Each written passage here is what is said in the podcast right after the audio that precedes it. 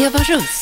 Hej alla kära lyssnare och varmt välkomna igen till mitt direktsända relationsprogram. Jag hoppas att ni har haft det bra i helgen som var och är mogna och intresserade och nyfikna på att kasta oss in i nya aktuella relationsämnen. Idag är det friåkning och det innebär att du som lyssnar är varmt välkommen att ringa in till mig rakt in i studion på Radio 1. Numret är som vanligt 0200 11 12 13. Jag har fått en gedigen mejlskörd under helgen också som jag ska börja med. Jag ska börja med efter ögonöppnaren som kommer här och kommentera några lyssnarmejl. Jag ska börja med Elinors som har mejlat in idag. Men först ska vi börja med den här.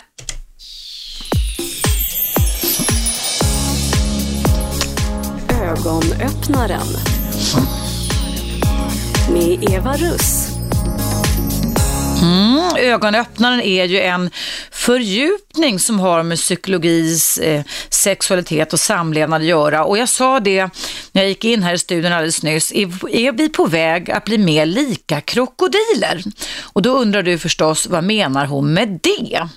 Jo, det är nämligen så att jag har tagit del av en, eh, eh jag tror att han är amerikansk forskare som heter Kent Bailey, som har studerat det som vi eh, emellanåt i alla fall kallar för en del av våran gamla hjärna, nämligen då reptilhjärnan, hur den påverkar oss, också idag.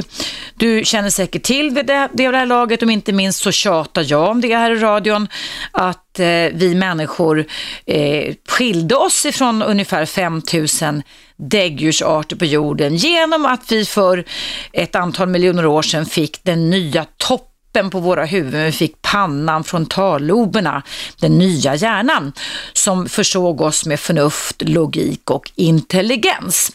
Men först så var, varde reptilhjärnan och den här forskaren Bailey studerar alltså om vi är på väg att bli mer krokodillikna. Jag ska alldeles strax förklara vad han menar.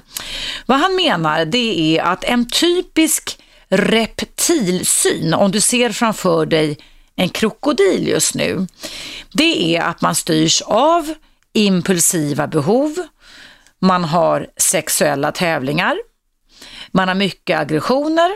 Och man har mycket förstärkningar av ägandeskap och kontroll. Och enligt Bailey och enligt alla andra forskare som jobbar med däggdjurens värld så är en krokodil, en reptils hjärna, bara intresserad av, lyssna nu, makt, kontroll, mat, sex och personlig vinning i syfte att kämpa för att överleva och föra sin avkomma vidare. Och reptilhjärnan, enligt Bailey, har inget som helst intresse för att leva ett familjeliv, att känna kärlek, att bygga relationer, att leka eller att visa empati. Det är, är det verkligen så illa, enligt mina slutsatser från den här lilla studien då, att vi är på väg att bli lika krokodiler? Är det så att vi, anledningen till att vi bryter upp så många relationer är att vi börjar bli mer reptillika? Jag kan berätta för dig att forskare till och med idag, världen över, det är inte den här forskaren Bailey dock, har jämfört människors medkänsla i städer som på amerikanska kontinenten eh, Los Angeles och New York. Och där har ett otal forskare sedan katastrofen med terrorattackerna mot World Trade Center 9-11 eh, 2001 visat att när vi människor har utsatts för en gemensam föra så sluter vi oss samman, samman och blir mindre egoistiska, mindre själviska och mer empatiska och eh, vill alltså visa medkänsla gentemot varandra. Men är det så att vi idag alltså idkar att mat, makt, kontroll, sex och det här att bygga relationer, visa empati, leva familjeliv, det gör inte krokodiler, har blivit mindre viktigt. Vad tycker du? Jag tyckte att det var en ganska intressant studie som han har gjort. Kan väcka en hel del tankar och känslor, i alla fall som en liten hjärngymnastik så här på morgonkvisten. Det är en lyssnare som ringer in och vi ska se om du som är på tråden reagerar på det här. Hallå, vem finns där? Hallå, vem finns där? Ja, Martin. Hej Martin, hej, välkommen till mitt program. Tack. Väckte ögonöppnaren några tankar och känslor hos dig? Absolut. Ja, Verkligen. Berätta. Är det i sändning nu eller? ja. Mm. Jo, jag, jag tänkte på det, eh, det här med relationer och så. Jag skulle gärna, eh, eller jag lever ett liv utanför en, eh, en eh, monogam relation. Men däremot har man mycket relationer med vänner, med kollegor, med människor som man älskar på andra sätt än vad man kanske gör med en äkta maka eller make. Mm. Och eh, jag bara undrar, för jag har tänkt ganska mycket på det. Jag har ju valt mer och mer att, att vara tillfreds med det livet jag lever. Hur lever du då, om du säger utanför en monogam relation, Martin? Alltså att jag, jag lever ett sexuellt eh, aktivt liv och jag trivs jättebra med det. Där du alltså Eh, är, kan, väl, där du inte binder dig till någon speciell sexuell partner, så du menar? Ja, precis. Och, och skulle jag träffa en person som, som där man känner den här exklusiviteten som du ofta pratar om och att det är den personen som jag vill gifta mig med, då är ju inte det någonting fel. Men så länge jag inte har träffat den personen eller så länge jag inte, jag har träffat den personen tidigare kanske men sen höll det inte, höll det inte. Och att man då väljer att leva leva för dagen och följa sina egna lustar så behöver ju inte det utesluta att man, att man också kan vara en känslosam person i andra aspekter. Nej, men precis. Jag Och du, undrar jag, jag frågar med. Jag, jag, Jag förstår, ja, ja. Jag frågar med liksom. men, vi, men visst var det en intressant studie? studie. Alltså han ville bara Absolut, se hur jätteintressant. påverkar. För att jag tycker också någonstans att vi börjar... Eh, man pratar ju om att vi människor har så extremt mycket prosociala beteenden, alltså sociala beteenden gentemot andra människor. Men tittar man lite på hur samhällsutvecklingen ser ut också så tycker jag att det börjar bli lite mer egoism som börjar hävda. Och din egoism är som du beskriver Martin, sund egoism. Att du, mår bra. du mår bra av den, du gör vad du vill och du eh, idkar det livet som du vill ha, eller hur? Mm. Du ligger inte, du ligger inte och grubblar på natten. Vad sa du? Du, men, du syftar med på den här roffarmentaliteten och att man... Nej, jag syftade inte på något speciellt utan jag syftade på att ni som känner igen er i någon aspekt ringer in och det gjorde ju du i sådana fall va? Ja, vad bra. Att- Sen undrar jag en annan sak, eh, om jag får fortsätta fråga. Absolut. Eh, det blir mer och mer, om du ser på Hollywood men också i, stor, i, i, eh, inne, Stockholms innerstad, eh, mycket mer fixering vid, du har själv nämnt det med utseende och att man, att man eh, kvinnor men även män eh, gör olika ingrepp för att vara vackra inför framförallt sin spegelbild men också inför åskådare.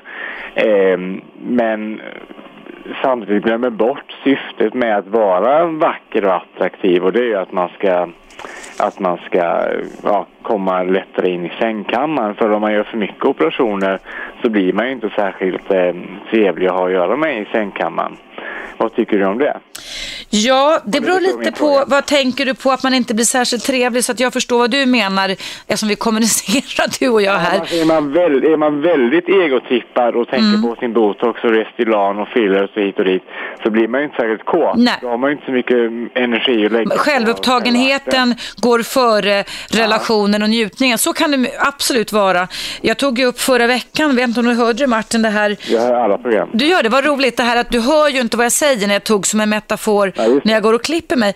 Och det är lite som man ser tonåringar ibland, de hör ju inte heller vad man säger för de är så självupptagna så att säga. Ehm, Att självupptagenheten i samhället kan leda till att vi inte, att vi relaterar med kroppen men inte så mycket med själen kanske. Precis, för det tycker jag att du, att du eh, i så fall, i det du tog upp i ögonöppnaren idag, att det är mer aktuellt än att, att det är många som, eh, som glömmer bort att relatera. För jag tror många relaterar till, till partners av olika slag och relationer, men däremot den här jag måste vara så otroligt vacker och perfekt och ha stora tuttar och ha bla bla bla vad det nu må vara. Att man glömmer bort varför man i så fall skulle vara så vacker. Det är väl för att man ska komma vidare och få bra sex. Absolut, det, det följer evolutionens lagar det här.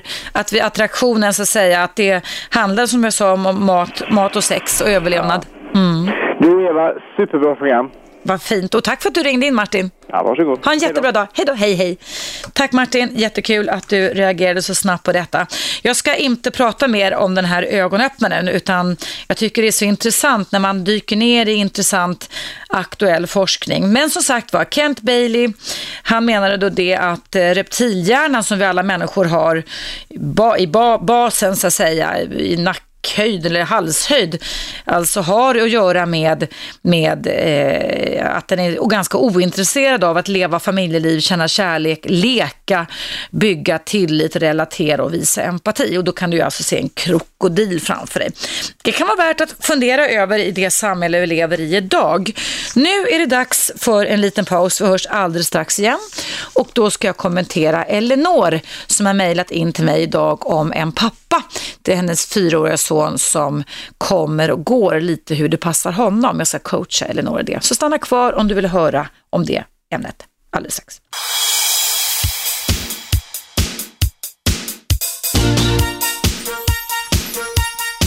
Radio 1. Eva Russ.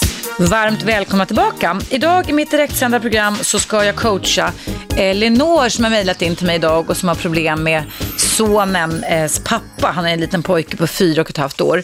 Men då han, vår gamla vän Lennart ringer in här apropå min ögonöppnare. Hallå Lennart! Ja, hallå, hallå! Angående ögonöppnarna om vi börjar bli mer reptillikna, att använda reptilhjärnan där vi inte bryr oss så himla mycket om andra människor utan vi roffar åt oss och struntar i att bygga band och vara sociala och ha kul. Ja, det, det där är ju ett intressant problem för att det, det är nämligen så att det där är också det, det härrör, tror jag, eh, hos individen att man känner sig väldigt disharmonisk och otillfredsställd med tillvaron egentligen. Va? Mm. Man har en stor krokodilkäft och vill ha allting som man föreställer sig ska ge en, en slags tillfredsställelse och lycka. Va? Mm. Så att det är en psykologisk reflektion alltså. Jag är inte psykolog, jag, jag får kalla mig då för kanske amatörpsykolog eller folkpsykolog. Det, går helt, det är helt okej okay, Lennart. Nej men jag menar det är hemskt det där som du säger med, med just där. Det är en bra liknelse med krokodilen va. Mm. Som hela tiden glufsk bara öppnar sin stora gap då förskräckliga gap med sitt rovdjurs, eh, med sin rovdjursreflektion alltså. Mm. Men eh, hur ska man dämpa det där då? Beror det på att många människor idag mår ju inte riktigt bra. Va? Man hör ju till och med i en abstrakt, då, man ska säga så, att till och med toppar inom näringslivet som man tror sitta på maktens översta pyramid där, de går ju på sömnmedel och nervlugnande. Mm. Det var en artikel i Aftonbladet för några år sedan om det. Det är ju en faktor som heter duga, om man säger så. Ja, verkligen. Eh, man kan ju säga det att det var någon som skojade med mig häromdagen och sa att du ser lite melankolisk ut, sa han. Jag fattar inte vad han menar. Då sa han så här att melankoli, melankoli verkar tilldragande, trumpenhet är frånstötande. Mm, mm. Det är en sån trottoarfilosof som en annan kan vara ibland. Ja, ja. Men vad tycker du rent i samhället? Jag tänker på, jag, jag, tänker Lennart på det här med att vi börjar likna mer reptiler i vårt sätt att fungera på, bara som en metafor, vad jag ville slänga ja. ur här. Men jag tänker att det här med alla, som har varit sista året, alla otrohetssajter, ja, Sli, mycket slit och släng, mycket slit och släng i äktenskap, ja. mycket slit och släng, vi har barn som mår dåligt i skolorna, vi, får, vi, vi, vi kan liksom inte sätta ihop pusslet på något sätt Nej, och försöka förstå orsak och verkan. Va? Det, det är lite oroväckande tycker ja, jag faktiskt. det är mycket oroväckande mm. den här utvecklingen. Jag tror också beror på att människan, förstår du, hinner, hinner inte med sig själv. Va? Mm på något vis. Allting ska gå så fantastiskt snabbt idag. Folk är så uppskruvade. Det ser vi i trafiken, i det fysiska rummet, hur vi blir bemötta och så vidare. Va? Mm. Och, eh, och, och, och, det tycker jag är förskräckligt. Men hur ska man bromsa det där? Va? Det, det fanns ju en, slager, som, en slagerlåt som kom för några år sedan som Siw Malm sjöng, Siw, vad heter hon? Siw Malmqvist sjöng det här slit och släng, den här mm. slit och släng, den fina bungalow, slit och släng, den fina ja, bil och så vidare. Och det var ju den där statusjakten, va? att jakten på de materiella tingen hela tiden. Va? Mm. Så att det, det är väldigt olyckligt. Men vi, vi utsätts ju hela tiden från krafter inom alltså suggestion va, från reklam, mm. tidningarna, mm, mm. Eh, damtidningarna vänder sig till sin krets med att man ska ha de kläderna, det utseendet och så vidare. Och, och, och sen andra killar, om man ser på karlarnas sida då, många som går och tränar för att bygga upp sin kropp, va, då tar man till kanske ryssfemmor som det heter, anabola steroider. Va? Man vill skapa sig en få bygga upp sin självkänsla, sitt ego. Va? Mm. Så det där är förbannat svårt. Alltså. Det är svårt och det är intressanta saker att fundera över. Det var kul att du och även Martin som ringde in här nappade på den här metaforen. Det är alltså den här forskaren Bailey som, ja. som har nämnt det här med reptilhjärna och gjort just skillnad, eller jämförelse med krokodiler att de inte är intresserade av så mycket relationer utan det är mer competition, makt, ja. kontroll och e-, egocentricitet. Du Lennart, ja, jag ska fort... Ja. Jag lyssnade lite på Hjärtra med va? Ja. Och han sa något intressant idag att alla människor i det här landet är så förbannat lättkränkta. Mm. Det måste bero också på att de har en mycket dålig självkänsla. Mm. Mm. Och vad är det som skapar en dålig självkänsla? Jo, det är, det är den brist, tror jag idag, där kan jag ha fel, brist på medborgarandra empati för varandra, att bara, ja. bara, bara fixera sig vid sig själv utan intressera sig för andra människor. Och, och dålig självkänsla på djupet, det kommer ifrån, oftast ifrån barndomen. Det är inte så att den bara flyger på dig när du är 15 år eller 25 Nej. år, utan det är någonting som det... implanteras. Att föräldrarna har inte tid med barnen. Nej, men de, de har ju, då, så, det, det var en pudelns kärna. Mm. Det är brist på uppfostran. Mm. Ja, det är brist på kontakt skulle jag säga. Ja, men då, då, och bekräftelse. menar inte jag att det ska vara ett förtryck, utan uppfostran är att att man umgås och att man lär varandra. Va? Vi har, inte tid, vi har inte tid att relatera till våra barn längre. Vi ska bara relatera till att typ reptilsynen då, att vi ska bara tävla mot alla andra eller gentemot oss själva. Så vi låter staten ta hand om barnen och ja. själva ge oss ut på jakt efter makt, kontroll och status. Jag bara avsluta mm. med att säga en sak. Tycker det här låter cyniskt. Läkaren ser människan i hela hennes svaghet, mm. juristen i hennes hela uselhet teologen i hela hennes stumhet. Vad säger du om det? jag, jag, jag skrattar, det var roliga funderingar. Du, tack snälla Lennart, tack, tusen tack för hej, hej. dagens filosofiska utlägg. Det var intressant det. Nu vill jag ändå coacha Elinor. Du har mejlat mig idag och det står så här. Jag läser nu upp ditt mejl. Eh, det gäller fråga angående barn och separationer och det kan ju faktiskt angå väldigt många här idag. Min son säger Elinor är fyra och ett halvt år och bor 99 procent hos mig. Hans pappa lämnade mig för en annan när pojken då var två och ett halvt och det tog, tog till slut och det tog slut för ett år sedan mellan pappan och hans nya. Pappan har varit kanon senaste året men att kunna med att, med att kunna prata med mig om sonen och umgås över en lunch ihop med sonen. Så pappan lämnade Elinor när pojken var två och ett halvt, träffade en annan kvinna, men när det tog slut så började han relatera till sin son igen, så om jag uppfattar det rätt. Sen står det så här då, men säger hon, eh, Elinor, nu har pappan blivit ihop med henne igen. Och under den tiden de levde ihop kom sonen ännu längre ner på listan och hon, alltså pappans nya, kunde säga saker till sonen som till exempel citat Pappa älskar inte mamma längre utan han älskar mig. Slut på citatet. Dessutom kunde exet inte prata med mig då han var kall och likgiltig inför sonen mot mig och det var snudd på omöjligt att ens prata telefon angående sonen. Min fråga är, nu kommer vi då till frågan från Elinor. Hur gör jag för att det ska bli så bra för sonen som möjligt? Jag kan inte ställa krav på hans pappa för då sparkar han bakut. Nu till exempel finns inte något nytt umgängesdatum och han har inte regelbundet umgänge utan pappan till min son eller vår son hör av sig när det passar honom ett par dagar innan typ. Jag vill, säger Elinor, att vår son träffar sin pappa regelbundet. Men hur gör man avvägningen när det är skadligt och när det är bra vad det gäller att det ej är regelbundet eller att han ej finns där i vardagen eller kring allt som handlar om sonen? Och så avslutar Elinor mejlet så här. Jag är själv skilsmässobarn och vill göra allt för min, att min son ska ha en bra uppväxt och ha båda sina föräldrar. Men jag känner mer och mer att jag inte kan vara den som ordnar umgänget åt hans pappa. Det kräver så mycket. Som jag ser det kommer det aldrig att bli varannan helg året om och att det går att lita på att det verkligen håller så. Men Jag har hittills tänkt att har vi inget inbokat så om det funkar får sonen åka till sin pappa så han får träffa honom. Men samtidigt så vill jag så att inte att sonen ska skadas av det.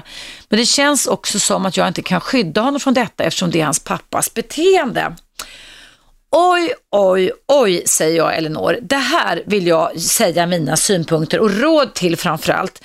Men då är det så eh, just nu att det kommer en liten paus här på Radio 1 eftersom det är direktsändning. Så du som vill ha råd till, eh, höra vad jag ger Elinor för råd om hur pappa och barn ska kunna relatera till varandra får lov att ge er till tås, till tåls. Jag kan inte prata, ge er till tåls heter det. Eh, det är dags för en liten paus där du också kommer få höra på färska nyheter här på Radio 1. Och du lyssnar alltså på mig, Eva Russ, i mitt dagliga direktsända relationsprogram Frekvensen 101,9 och numret in är, ni kanske vill efter att jag coachat Elinor, coacha henne med. Då är numret 0200 11 12 13 och det är alltså fritt för er idag att ringa in och dryfta era relations och sex och samlevnadsproblem. Vi hörs alldeles strax efter pausen.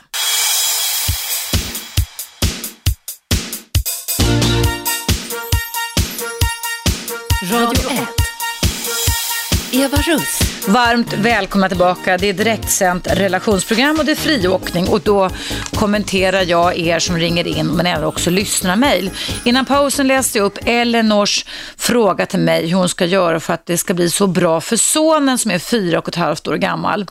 Problematiken hon beskriver och som jag beskrev det är hur ska hon få en frånvarande förälder att vilja, att alltså kunna hitta sin motivation, att vilja känna för och även känna ansvar skulle jag säga för att det barn man tillsammans har satt till världen har man faktiskt ett både känslomässigt och omvårdningsmässigt ansvar för.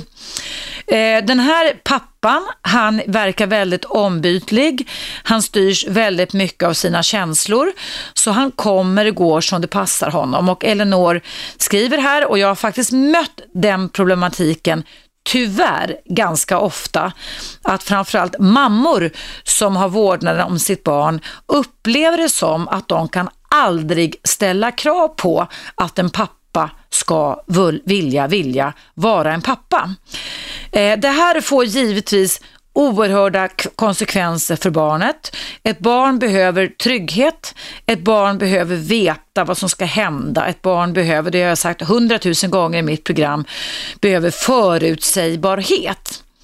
Eh, jag tycker ju till exempel att du Elinor, du som känner igen dig i Elinors problematik, faktiskt en period skulle strunta i om pappan sparkar bakut eller inte.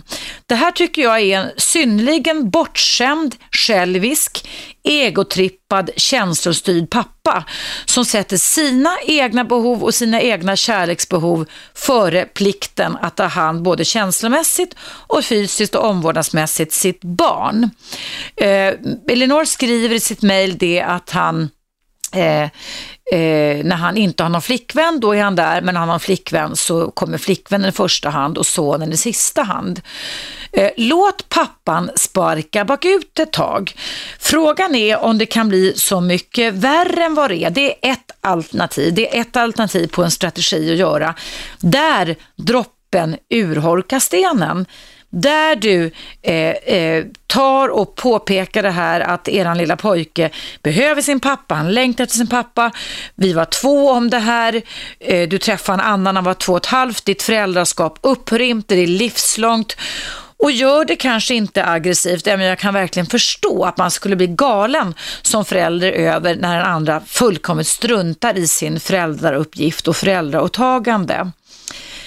Under tiden så tycker jag att eh, det kanske då för den här lilla pojkens skull kan eh, vara bra då kanske att tala om för honom att pappas eh, pappa har ett liv just nu där han har svårt att bestämma sig. Det är viktigt att se till så att inte barnet går omkring och får en väldig massa fantasier om sitt eget värde. Vi pratar om när grundläggs självkänslan. Det här är ett praktexempel på hur en dålig självkänsla kan grundläggas hos ett litet barn när den andra föräldern är extremt ryckig och kommer och går som det passar den föräldern, där man inte alltså utgår ifrån barnets behov, utan man utgår ifrån sina egna behov.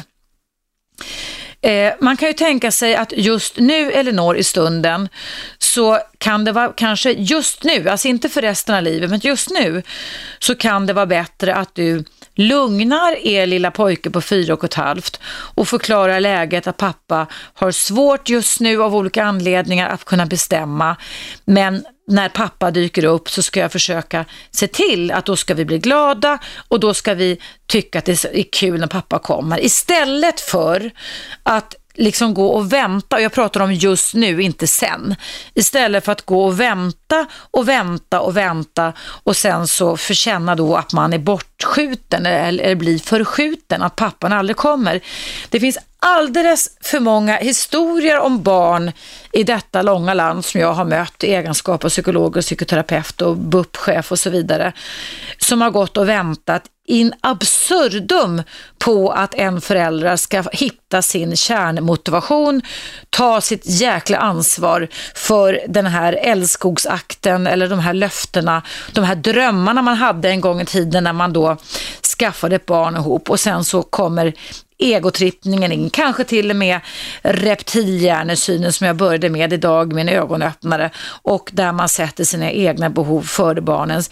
Det är fruktansvärt själviskt, anser jag. Det är fruktansvärt egoistiskt och det är precis som Elinor skriver i mitt mejl, det är barnen som får lida. Sen finns det också, Elinor, andra sätt. Det är ett knepigt det här att få en frånvarande förälder att vilja vilja. För att eh, vi mammor, det kan hända pappor också, kan inte springa med lasson efter föräldrar som inte vill och försöka hala in dem och försöka tala dem till rätta.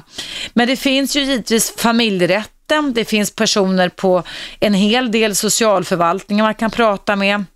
Man kan till och med också föreställa mig, kontakta BUP om det är så att barnet börjar må dåligt. För det är självklart så att ett barn som har en förälder som kommer och går, det ger barnet en väldig massa signaler som barnet medvetet, omedvetet stuvar in i sitt sinne, i sin själ om jag duger, jag duger inte. Så där har vi nu ett exempel på, vi har ett scenario framför oss hur denna lilla pojke kommer att få en del son, eh, frön, sådda, frön sådda i sin hjärna om sin egen duglighet. Och det är därför då för dig Elinor och du som känner igen dig i den här problematiken, det är viktigt att du du ser till att ditt barn får en god självkänsla och får trygghet och att du på ett sätt alltså inte så att pojken kanske hör det just nu, han är för liten, men börjar ställa krav och struntar i om pappan sparkar bakut. Kontakta familjerätten, kontakta en advokat, kontakta SOS eh, och be att få hjälp där. Och ligg på den här pappan. Låt inte den här pappan undkomma. Det är ju verkligen så att pappan säger, nu vill jag bli pappa. Och då dyker han upp och sen dyker han upp och säger, nu vill jag inte bli pappa. Och sen så reagerar han med protestbeteenden pappa när du står på dig. Och jag tror att det är där du får lov att bli, bita ihop lite Elinor. Och faktiskt bli en eh, lite starkare lejoninna och tigrinna och, och bara tala om för honom och slå näven i bordet att det här är inte okej. Okay. Det här är inte okej. Okay. Jag har all förståelse, Elinor, att det kräver väldigt mycket. Jag har all förståelse för detta. Jag har nämligen varit med om exakt samma sak med ett av mina barn för många, många år sedan. Det var förnedrande, det var energikrävande och jag försökte jaga en pappa som absolut inte ville ha kontakt med mitt ena barn. Det slutade med att det bidde ingen kontakt med det här barnet eh, efter några år och på ett sätt så tyckte jag nog då att det blev lugnare av att eh, försöka jaga en förälder som inte ville bli förälder. Men jag tycker precis som jag säger här i mitt program, man ska göra allt vad man kan för att kunna se till att det här blir bra. Men bakom som säga, ryggen på din lilla pojke på fyra och ett halvt år så ska du kavla upp armarna och strunta i pappans reaktioner. Jag skulle vilja säga att jag får en bild av en sån här pappa som otroligt självisk otroligt omogen, otroligt egotrippad och otroligt då alltså narcissistisk, en person som inte tål kritik.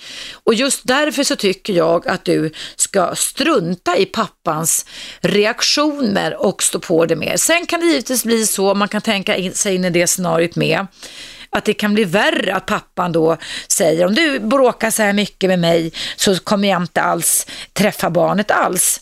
Ja, det finns faktiskt den möjligheten med. Och jag skulle faktiskt vilja efterlysa hos eh, de som gör våra lagar och de som skriver våra lagböcker just den här typen av eh, lagar, alltså när en förälder eh, först väljer att vara förälder i två och ett halvt år och sen bara är förälder när det själv behagar en.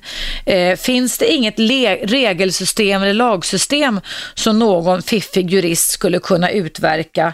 Eh, det blir ju bara så att det blir oftast mammor, det är inte alltid så, men oftast mammor, men också pappor givetvis, som får springa och jaga föräldrar som bara är föräldrar när det passar dem. Finns det ingenting man kan göra åt det här, apropå Elinors mail. Du Elinor, eh, jag såg att du skrev ditt telefonnummer här och eh, du är varmt välkommen att ringa in till mig i studion idag. Numret in hit är som vanligt när det är direktsändning 0200 11 12 13 0200 11 12 13 och berätta för mig hur det här går eller hur det här känns. Det finns anledning att återkomma till detta. Men vad jag vill säga då det, det är att ge inte upp, gör allt vad du kan, för det är någonting som du kan ha sen som samlade dokument, en historia, en berättelse när din lilla pojke eller lilla pojke blir stor. När han då ställer frågan varför ville min pappa inte ha mig? Det här är otroligt sorgligt och otroligt angeläget. Nu är det dags för den här lilla pausen som kommer med regelbundenhet här på Radio 1. Du lyssnar på mig, Eva Russ. Det är friåkning, numret in i studion är 0200 11 12 13 och eh, vi tar en liten paus och hörs alldeles strax igen.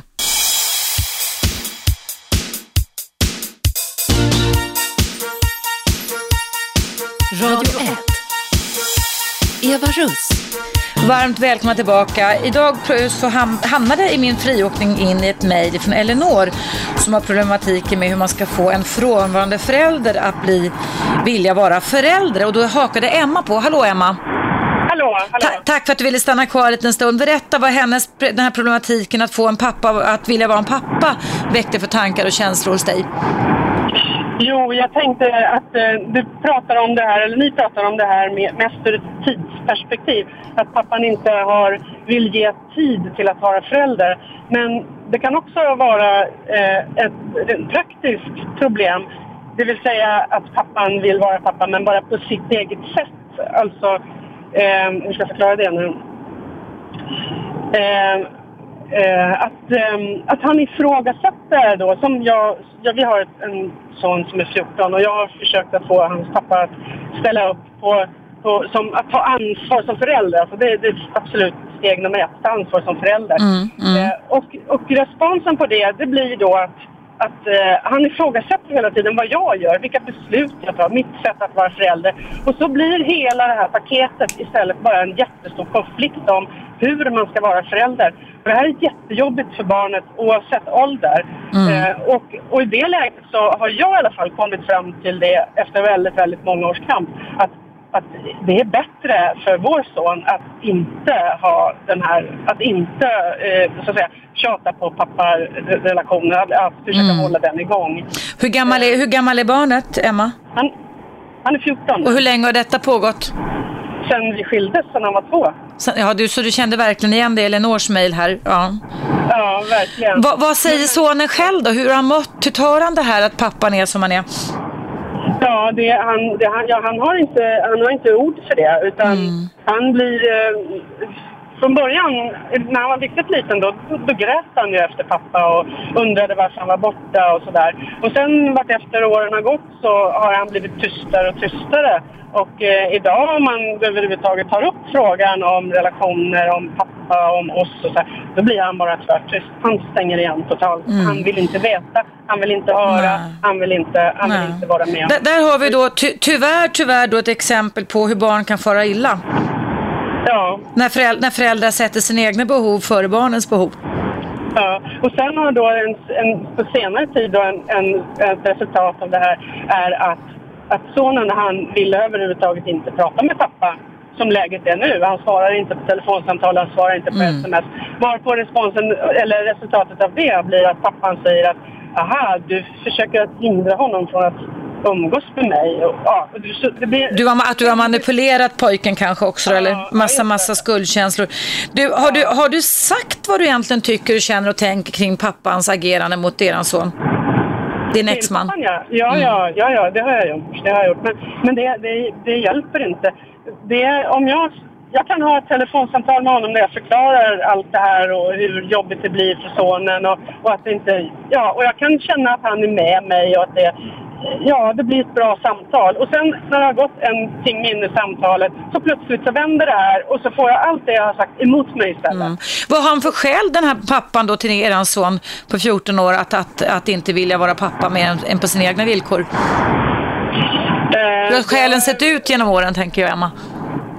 Eh, ja, du, alltså... det- I, I hans värld menar jag, pappans värld alltså. Eh, ja, det handlar mycket om att det är jobbigt att resa, att det, att det är jobbigt att hämta och lämna. Och då har ju jag ändå deltagit jättemycket och tagit mer än hälften av resorna med fram och tillbaka. Och jag har, jag har gjort verkligen lagt ner praktiskt arbete på att det här ska fungera. Men det hjälper på något sätt inte. Utan det, det finns, det, om inte det ena är ett skäl till att, till att bli arg eller Så måste man hitta någonting annat. Då kommer ett nytt skäl. Ja, precis. Att det spelar egentligen ingen roll Nej, vad jag gör. nej. Det, Det- det som, jag känner det som att det här är, en, det här är någonting... Det här, han straffar mig på det här sättet. Du, var det du som ville skiljas då Emma? Ja, det var det. Mm. det, var det. Det finns ju en del personer som beter sig på det här långsinta och väldigt narcissistiska, själviska sättet.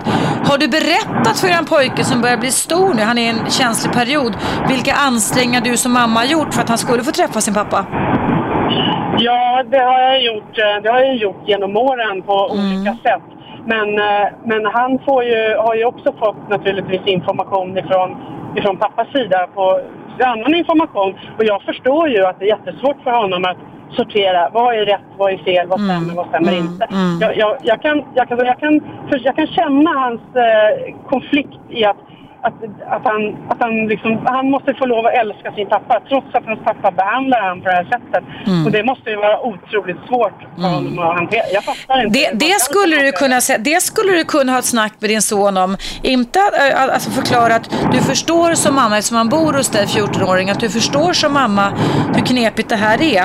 Och att du tycker att han, självklart om han känner för det, ska tycka om sin pappa. Men att han också har rätt att, som du sa, reagera, protestera, att inte vilja prata när, när pappa då har tid över att ringa sin 14-åriga son.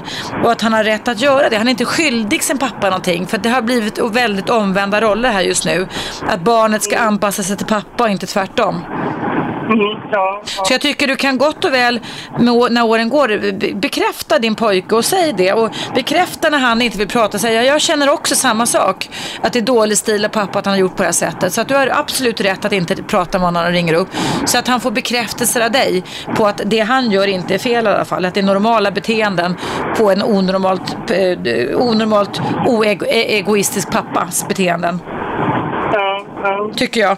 För att, att man sluter sig kanske ändå inåt ändå. Men en tonåring som är 14 år, Emma, har jättemycket funderingar kring livet och döden och sig själv och självkänslan och är jag värd och värdefull och så vidare. Så där tror jag kan, du kan tjäna mycket på att ni har en öppen dialog. Mm. Jag försöker, men det är jättesvårt. Det är jätteknepigt, men, men fortsätt att ho- behåll den tråden i alla fall lite tycker du kan göra. Mm. ja. Ja, det är jätte, jättetragiskt det hela. Men du, tack för att du ville stanna kvar. Jag övertalade dig lite där att du skulle vara kvar. Då får du fortsätta med dina andra saker. Men jag tänkte det var bra att höra ett annat exempel live också. Ja, tack själv. Så det är hemskt tråkigt. Jag håller tummarna för att det på något vis kan ordna upp sig. Tack snälla. Hej då, hej. Ja, det är väl jätteproblem det här i vårt samhälle. Alltså hur ska man få en frånvarande förälder att vilja bli förälder? Och jag ser att det är någonting som väcker många av er här eh, att vilja säga någonting. Vem finns på tråden där? Vem finns på tråden där? Hejsan, eh, har jag kommit till Radio 1? Jajamensan, du har kommit till Eva Russ och vi hörs rakt ut i radion. Vad heter du? Elinor, det var jag som skrev det där. Var det du som skrev? Nej men tack för att du ringer in Elinor, vad gulligt av dig. Du ser, det är så fantastiskt med direktsändning.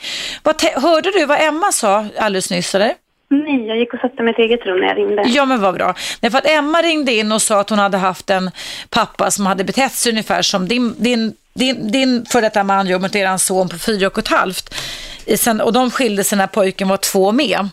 Okay. Och att pojken är nu 14 år, där har det blivit konsekvenser för honom att han inte har lust att prata med sin pappa längre och att det fortfarande är så att den här pappan, pappans själviska egoistiska beteenden går ut över relationen. Ja, jag känner igen det. Mm. Du, vad har du, vad har du, försökt, har du försökt få hjälp på de sätten som jag sa till dig, Elinor? Alltså... Uh, jag hade kontakt med BUP under separationen. Mm. För att jag ville att separationen skulle gå så bra som möjligt.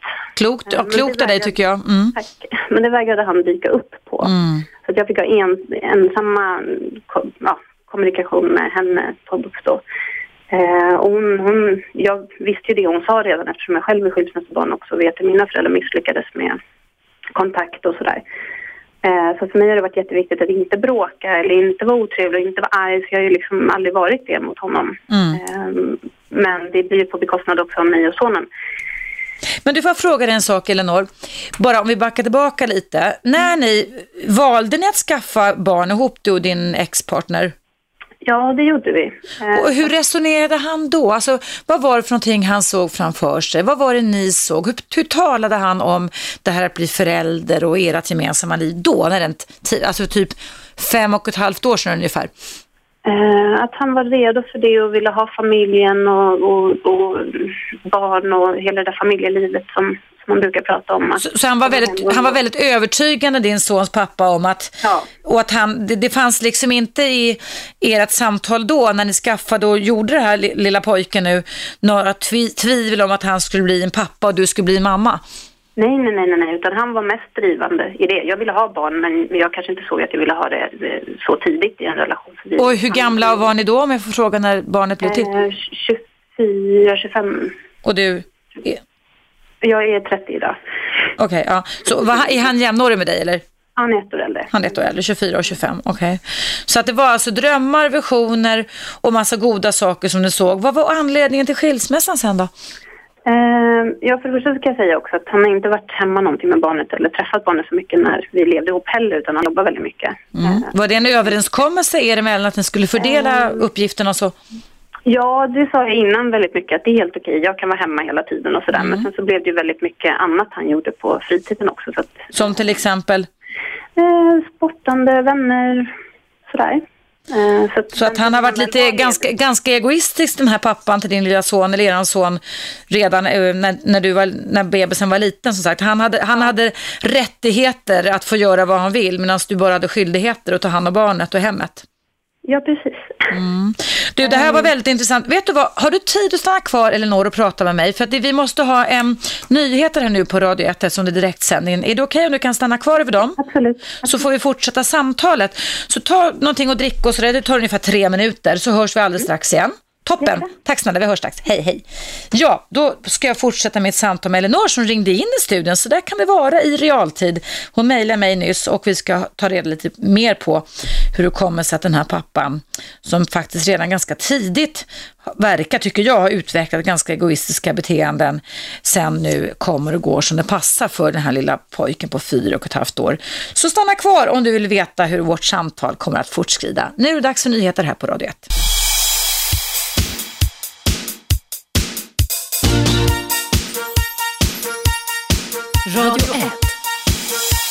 Eva Russ. Hallå, välkomna tillbaka och hallå Elinor. Hej. Hej, tack för att du väntade.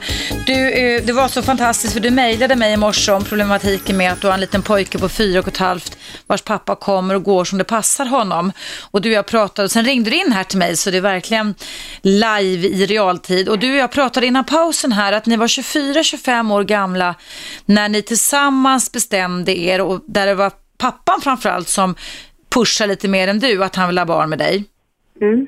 Vad hände sen då som gjorde att han lämnade det när pojken var två? Han är fyra och ett halvt nu. Um, ja, han, eh, han sa bara att han tröttnade liksom på mm, att vi inte hade det bra. Det kom ju bara som en pang i bom ner under ett bråk. Så. Och då hade han hållit på när du var mammaledig, han tog ingen pappaledighet själv sa du också, Nej, och hålla på med eller ingenting sånt. i egna, han, han var liksom, han, han relaterade inte till pojken direkt mycket heller eller? Nej, eh, inte alls. Och sen så, och då, hade vi, då ville han ha lite tid och då gav jag honom tid och under den tiden så träffade han då eh, en ny. Och så inledde han med henne och sen så meddelade han mig efter ett tag att han hade träffat någon ny då och då blev det separation. Har, har du känt den här pappan till din son länge innan ni skaffade barn tillsammans? Nej, Hur kort, eh, hur kort vi, tid? val, vi valde att, det var det väldigt kort tid innan vi valde att Vad är, vad är väldigt kort tid? Eh, väldigt, eh, vi kan väl säga så här att det, det tog ungefär tre månader innan jag var gravid från att vi liksom var tillsammans. Mm. Vi hade väl känt varandra i fem månader kanske. Jag blev med barn med en man som jag känt i fem månader och det höll inte heller. Alltså, och han har betett sig så här med. Men till slut så drog jag ett streck och sa att nu får det vara nog. Jag tänker inte hålla på och, då var min son sex år och springa efter honom och, kränk, och kränka. Och det blev lugnare för min son, även fast det givetvis är en sorg säkerligen så kommer det gå. Nu är han en vuxen man. Men du, vad, vad, vad tänker du när du skrev i mejlet till mig här Elinor att han går, eller att han blir förbannad eller eller slår bakut? Hur ser de beteendena ut från den här pappan? Eh, jo, men de gångerna jag liksom har krävt från honom att jag vill ha strikta tider då han har sonen och att han följer det och att det är regelbundet och sådär. Då börjar han tjafsa om att han ska kräva halva tiden varannan vecka eller han ska på det ena eller andra sättet. Sådana saker som man vet är väldigt känsligt för mig. Så det, skulle jag, det vill jag verkligen inte och det ser jag inte det bästa för sonen heller att man skulle ha så mycket tid. Eh, utan att han har... Fast vänta, skulle du inte tycka att det var bra då att ni hade delad vårdnad eller? Alltså, jag vill jättegärna att han träffar sin pappa och det får jättegärna vara längre perioder, liksom torsdag, måndag eller liksom någon dag i veckan och sånt där. Men just det här som han pratade om varannan vecka känner jag inte aktuellt med tanke på att han inte har... Inte just nu i alla fall, men kanske med tiden. Alltså om man, om man är varsam och låter det se att det fungerar under en längre period. Skulle du kunna tänka dig det i takt med att pojken blir lite större då? Eh, det är väl ingen mamma som egentligen skulle vilja säga ja till att Nej. Men, men alltså skulle han vara bra, alltså han är ju bra med sonen när han väl är med honom och Mm. engagerar sig och sådär. Men eh, eftersom han har det jobbet han har också, han är egen företagare och Mm. jobbar liksom dygnet runt. Så har jag svårt att se att det skulle vara bra på det sättet och vi bor i olika kommuner och det skulle vara mycket resande för min son då till Mm. eh, förskola och skola och sådär. Så att jag, jag är svårt att se, jag var bara varannan helg hos min pappa och jag tyckte att jag missade mycket med mina kompisar och så. Bor man då i en annan kommun varannan vecka så Hur långt är det rent geografiskt emellan er? Eh, det är grannkommunen så det tar väl ungefär en 25-30 minuter med bil. Ja, det är alltså en eh, fyra mil någonting då, eller? Ja, två, tre tror jag det är. Två, tre mil. Ja. Ja. Mm. Men du, ehm, de här väldigt själviska beteendena som din sons pappa har, de kan alltså bottna lite i någon önskan om att han skulle vara delaktig. Men eh, ni var inte gifta när pojken föddes. Nej. Och hur blev det? Skrev han på papper att han är pappa till pojken? Ja. Ja. Och, men har ni Jag någon... gemensam vårdnad och så. Ni har gemensam vårdnad? Ja. Okej, okej. Men då, då borde ju... Mm. Men alltså, vad säger han nu? Nu är han ihop med den här kvinnan igen som han lämnade dig för kan man väl säga. Och, och eh, har du haft något snack med pappan om det här nu då? Att det här går inte, pojken blir större och större, våran son, och han måste få tillgång till sin pappa och mer förutsägbarhet som jag sa tidigare här. Eh, ja, jag förde den diskussionen lite för ett tag sedan och då fick jag tillbaka att eh, det är jag som liksom har stått i vägen för hans relation med sonen för att jag eh, i början med de där, när de två träffades så skickade jag liksom sms att jag saknade honom och ville ha tillbaka honom och så och då tyckte han att det gjorde ju henne illa vilket gjorde att det var svårt för honom att träffa vårt barn. Mm. Alltså, så, så att din, din, din före detta man hade eran son till att börja med? Nej, inte första halvåret, då hade han honom inte alls. Utan Nej. då var han bara med sin flickvän. Och de gångerna han skulle träffa vår son dök han inte upp. Mm. Ehm, och så. Och det var flera tillfällen. Jag har fått dagbok över allting.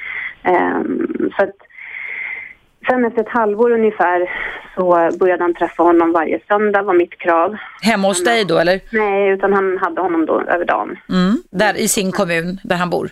Ja, precis. Mm. Och sen så utökade han det till då varannan helg. Och det är det han har haft. Och hur verkar sonen ha mått då när han har varit hos sin pappa? Eh, han var väldigt trött och jag fick hem honom så var han väldigt trött och väldigt ledsen. Alltså det, blev, det gick inte liksom att... Alltså han, han, han var väldigt, väldigt slut, om man säger. Mm. Han, jag tror absolut han haft det bra, men det är inte det här att han... Alltså, han är väldigt trött när han kommer hem från honom. Mm. Men, men tror du ändå att pappan är en bra eh, vårdnadshavare? Eller är du tveksam till det? Jag är inte det minsta tveksam till att han inte tar god hand om sonen eller att han liksom Bra. så. Mm. Men hela det här, det, det som jag känner oro för är Mm. det att vi all, alltså min son vet ju inte när han träffar honom nästa gång. Nej. Det, och för mig gör det inte, det är inte hela världen ifall det kommer ett meddelande på tisdagen och frågar om man kan ha helgen. Mm. Eh, men jag, det jag är lite osäker på är, för hon på BUP sa att nu när han är så liten så behöver inte han veta två veckor i förväg när han ska träffa sin pappa. Nej, just det. Nej. Eh, men jag undrar när går den där brytgränsen? För, Ja, den börjar ju komma nu. Alltså barn i fyra femårsåldern börjar ju allt mer. Jag menar, de växer varenda dag så det knakar i hjärnan. Och så att de börjar förstå samband. Runt femårsåldern, fem sexårsåldern eller når så börjar man ju förstå att man kan dö. Och att, man kan, att, äh, att äh, en förälder kan försvinna. Då kan barn vara ganska uppsatt upptagna av det här. Och, Det pratar min son redan om. han gör det redan nu, ja. Och att, att de, eh, de förstår ju redan nu. Jag har ju ett litet barnbarn som är tre och ett halvt och han förstår, men jag tror inte han förstår ändå att det är skillnad på killar och tjejer. Han säger att det är det, men jag tror inte han har fattat det. Men man pratar om fem sexårsåldern är det verklig, då förstår man det här med olika könen och hur, det fungerar och att man är lite olika och sådär va. Och jag menar, han ska ju snart i sådana fall, om man är fyra och ett halvt, säger med ett år, börja förskolan eller nollklass, eller hur? Ja. ja. Så att han förstod nog ganska bra, men när han var två, tre så förstod han nog inte lika mycket. Men jag tycker du, kan, du inte- kan du inte överväga Elinor och ta ett varv till då med familjerätten eller med SOS och, och be och få, de har ju sådana här, vad heter det, samverkanssamtal eller vad kallas det för? Där man, Problemet är ju då att de måste båda vara överens om att komma. ja just Det har det. inte jag Ja. lyckats med hittills. Den gången han kom, då vägrade han ens säga att vi hade separerat. Då vägrade de hjälpa oss. Mm. Så han var väldigt... Alltså, han vägrade. Han, Mm. Om- så att om du han skulle- slängde skit över mig. Ja, Jag, jag tänker på en grej, även fast det kan kännas kanske knasigt att jag säger så, för jag ifrågasätter inte dig på något sätt, men om du bara skulle överväga, alltså överväga nu och, och inte, du behöver inte svara på frågan, att på ett sätt kanske uttrycka dig och målbilden till pappan när du skulle kontakta, om du skulle ha i tanke att ni skulle försöka hitta någon slags medlingssamtal eller planeringssamtal till er son, där du uttalar dig i positiva termer hur det skulle kunna bli, vad du skulle önska. Tror du att det skulle kunna göra någon skillnad? Jag vet inte, för jag har sagt till honom att min, min, min önskan är att, att vår son har en trygg punkt hos mig där han bor och sen Mm. att han träffar sin pappa ofta och regelbundet och eh, till exempel torsdag till måndag och sen en dag i veckan Mm. Och det är ett bra sätt att få det att funka på. Ja. Men då har du pratat om dig som trygg punkt och du har inte pratat om relationen och känslorna tänker jag. Nu är jag lite extra klurig va? men vad jag tänker bara på är vad ska få den här pappan till att vakna känslomässigt? Det vet inte jag, för jag har försökt så länge känner jag. Ja, jag, jag förstår verkligen dig, Leonor. Jag bara tänker att appellera till hans känslor, man har pratat om kommunikationerna, så att appellera till hans känslor, hur det en gång var, att hans pappa förmåga och sådana saker, så att han vaknar. Det handlar om att försöka hitta hans inre motivation till att vilja själv, för det är det som är lite problematiskt, att han liksom väljer bort den så himla snabbt, eller hur? Mm. Har du tid att stanna kvar? Det är dags för den här lilla pausen här igen på Radio 1. Har du tid att stanna kvar en stund till? absolut. Toppen. Då tar vi en liten paus. Eh, Då hörs alldeles strax igen, Elinor. Du lägger inte på utan bara sitter kvar och väntar där. Eh, Då ska jag fortsätta samtalet med Elinor efter pausen.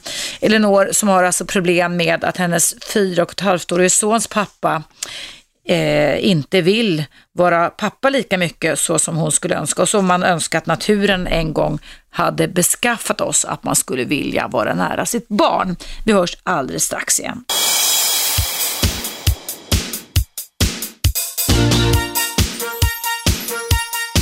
Radio 1. Eva Russ. Hallå där, välkomna tillbaka och hallå där Elinor. Vad snäll du är som har tid att stanna. Sitter du och jobbar nu eller ringer hemifrån eller?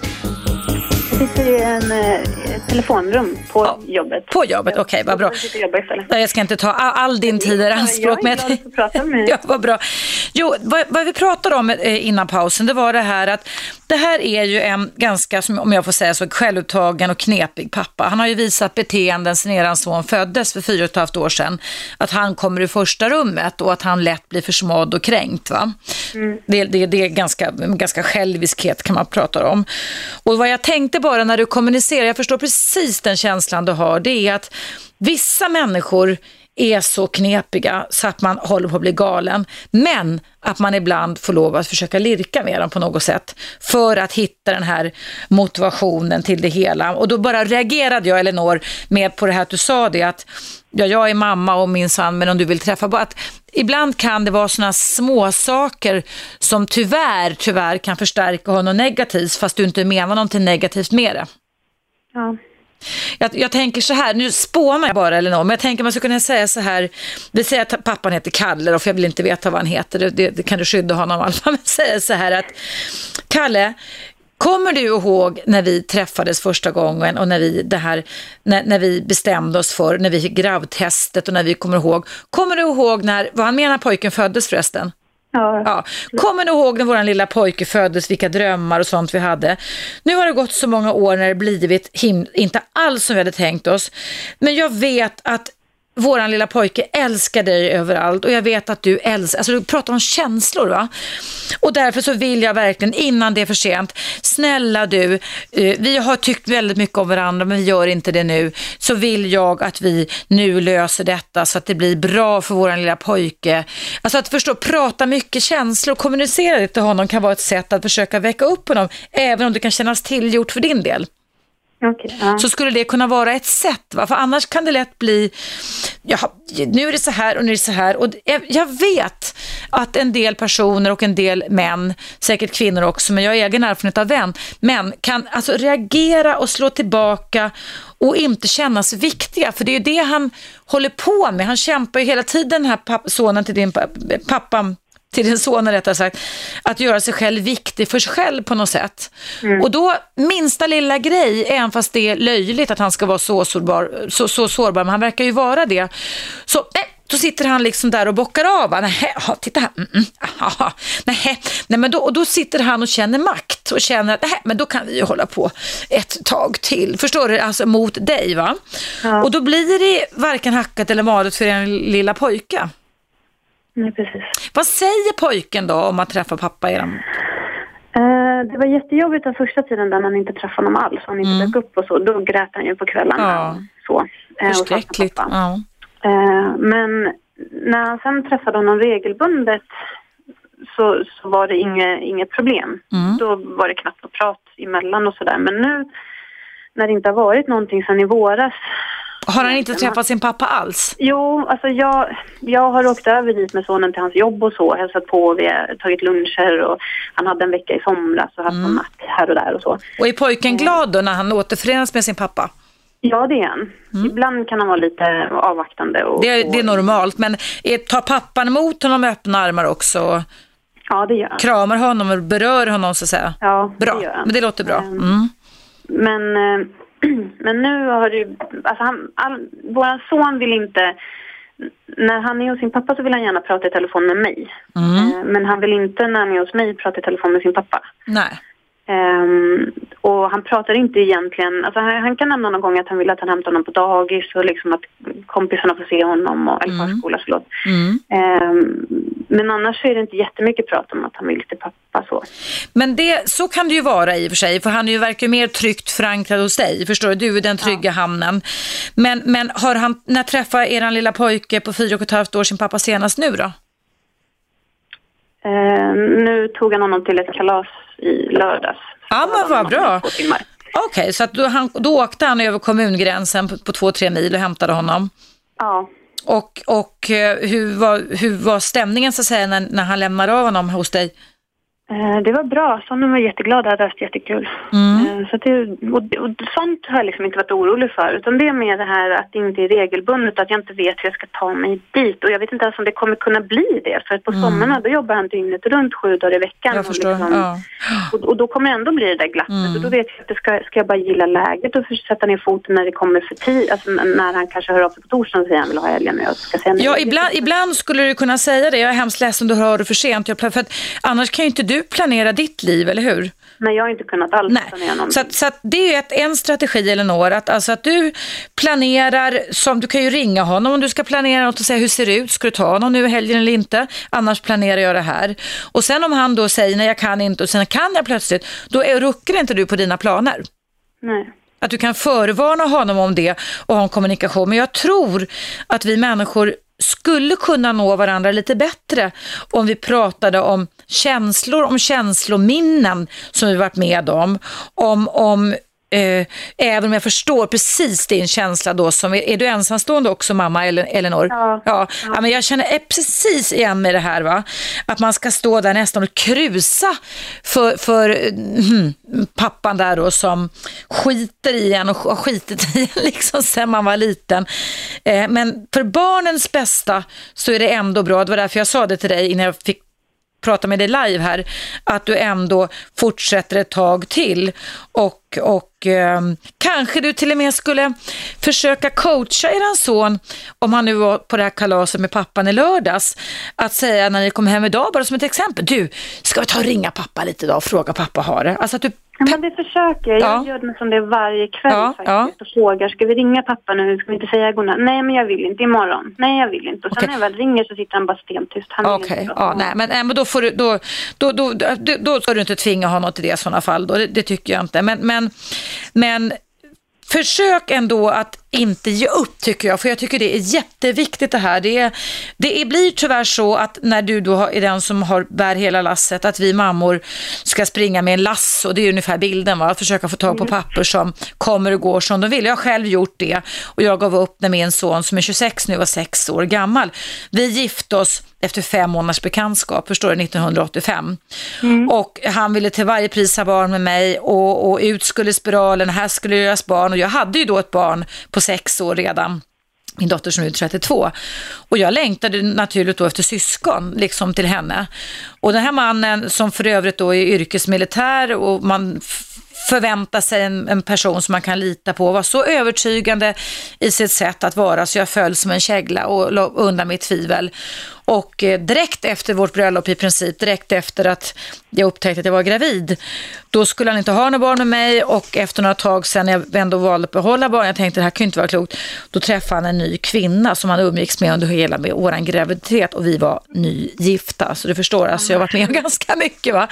Och, och där skulle inte ses, han träffade min son första gången han var två och ett halvt och sen så höll det i fyra år och sen så precis det här skulle han inte betala underhållsbidrag och han skulle inte betala, det var också tre, fyra mil emellan och han skulle inte betala hem det ena och det andra. Och barnet skulle heta hans namn och det var en lista som aldrig tog slut. Va? Och då satte jag ner foten Elinor och sa att nu har jag blivit nog illa behandlad, nog illa behandlad även min son eller våran son, nu får det räcka.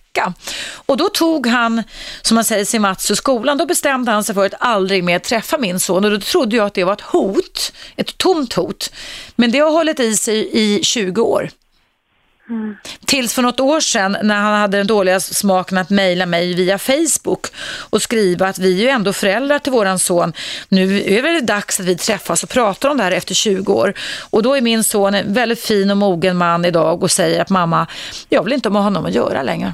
Jag vill inte ha honom att göra. Och han har då fått andra manliga förebilder i form av min- bror och mina svå- svågrar och sådana saker som alltså är gifta med mina systrar. Men det är klart att det är traumat som ändå finns där. Men alternativet skulle varit, Elinor, att min sons barndom hade präglats av eh, kommer pappa, kommer pappa inte. Och det ger en enorm frustration för barn. Det är inte bra för barn att få växa upp med den osäkerheten och oförutsägbarheten heller. Nej, här kan man ju säga i alla fall att det är inte så att han i nuläget, sen det där halvåret precis in på separationen, så har han ju inte varit så där att han liksom inte dyker upp när han har sagt. Utan då kan det ju vara att han liksom dagen innan eller två, tre dagar innan Mm. säger att nej men nu har det kört ihop så det går inte. Mm. Men då meddelar han sig i alla fall, även fast det är en Ja, klen ursäkt. Men det är i alla fall bättre än ingenting tycker jag. Ja, jo men så är det. Och han Mm. är ju toppen med sonen när han har honom. Och jag ser i hans ögon att han älskar honom och att han är hans allt så. Eh, och det kommer aldrig bli så att de inte träffas för jag har jättefin kontakt med hans föräldrar. Det är de som stöttar mig. Så jag har farmor och farfar pratar jag med dagligen. Så Vad bra. Men kan de inte försöka lirka med sin son de då? har försökt. Mm. Eh, så att eh, jag känner att jag, jag ändå gör så gott jag kan att, att hålla den sidan till min son. Mm. Eh, men det är jättesvårt. Jag får jaga honom med papper, man måste ha påskrifter på Ja, allting. Liksom. Mm. Eh, Mm. Så det är klart att vissa stunder så tycker jag att det vore enklare om man till exempel hade enskild vårdnad för att kunna skriva under saker själv. Och, Mm. eh, men jag vet hur viktigt det är med föräldrar eftersom jag själv är skilsmässa. Och jag Ja. skulle aldrig hindra min son om han sa jag vill bo halva tiden hos min pappa och, eller flytta dit. till. Jag skulle aldrig stå i vägen. Men Nej. däremot så kan jag känna att det är bara jag som har funnits där i princip. Ja, det måste ju till en övergångsperiod av ganska lång tid där man ser att det är en stabilitet och att barnet kommer i första hand och pappans business inte kommer i första hand. Men man vet ju aldrig, Elinor, allting kan ju förändras med tiden. Men lova mig en sak att du ändå, även, även om det känns bittert, jag förstår precis känslan du känner, så ge ändå inte upp för barnets bästa. För den här pappan, min, min, mitt barns pappa då för 26 år sedan, 27 år sedan, han har ju varit benhård, full fullständigt struntat. Alltså det är mer eller mindre, eh, ja, fullständigt egoistisk och känslokall. Och eh, sen hörde jag också de fyra år han behagade träffa min son att han faktiskt att det var farmor och farfar som träffade min son, inte han egentligen på helgerna. Va? Men sen hade också hans farmor och farfar den dåliga stilen att när hans pappa då inte ville vara pappa när min son var sex och ett halvt år, då sa farmor och farfar upp bekantskapen med min son också. Kan du tänka dig vilka men- dubbeltraumat han har varit med om? Men han har blivit fin, sa du. Han har blivit jättefin, han är en duktig pojke, han är välutbildad. Men jag tror ju att det alltid finns den här, eh, en vacker dag, nu är han 26 år, men man vet i 26 och ett halvt att den här sorgen kommer upp. Och nu har farmor, farfar är död nu, hört av sig efter 20 år och ligger tydligen för döden, är svårt sjuk. Så han har pratat om att han skulle vilja träffa farmor, men han vill inte träffa sin pappa. Och jag har faktiskt försökt coacha honom och sagt att du kanske ska göra det ändå, det kanske ändå vore bra för dig liksom att få en bild av honom.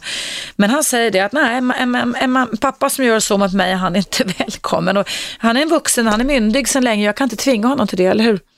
Nej, absolut inte. Sen tycker jag, jag har en mamma som inte är närvarande och inte Mm. varit så bra. Så jag tycker att föräldraskap är ingenting man bara får för att man... Nej, det, man, ska, nej, man måste förtjäna det också. Det tycker jag är en väldigt bra distinktion kring detta. Att föräldraskap är ingenting som man får, det är någonting man ska visa att man kan förtjäna.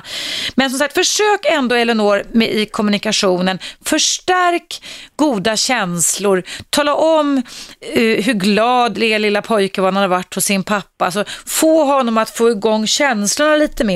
Det kanske låter lite manipulativt, men det är ett bra sätt för kommunikationen i alla fall. Att öka på relationsbiten som jag pratar ibland om här i mitt program. Mm. Pröva, så kan du väl hålla kontakten lite med mig. Jag sitter ju här varenda dag ända fram till jul och berättar hur det går. Är det okej eller?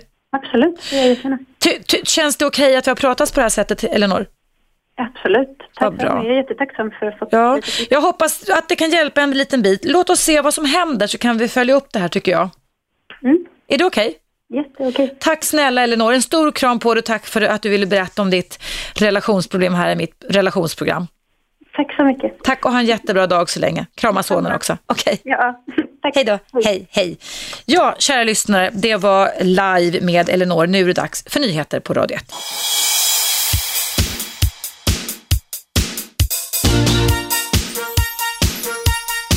Radio 1. Eva Russ. Välkomna tillbaka. Idag är det friåkning kring relationer och sex och samlevnad och jag har nu ägnat nästan en timme åt ett viktigt, viktigt samtal med en lyssnare som först mejlade in till mig och sen ringde in till mig och jag tackar Elinor jättemycket för det. Och temat handlade då om hur ska man få en frånvarande förälder att vilja ta sitt föräldraansvar och vara förälder. Och då reagerade Benke. Välkommen Benke. Hej. Hej, berätta vad du tänkte och kände när du hörde mitt och Elinors samtal. Jo, men det, det finns ju både bra och dåliga föräldrar i allt. Så är det ju. Mm. Men eh, jag är bonusföräldrar och två små, Mm. 9 och 11. Mm. Och pappan där gör ju allt för att bara göra, göra det han själv behöver göra. Mm. Hur ser beteendena ut då gentemot barnen? Straffa barnen med att inte åka på eh, evenemang eh, såsom gymnastik eller, eller innebandy eller någonting.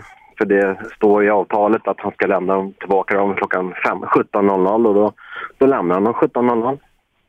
Mm. Då uteblir eh, gymnastik, avslutningar och kalas. Har, har, han, har, har de gemensamt, du och din partner, vårdnad av de här barnen på 9 och 11 eller?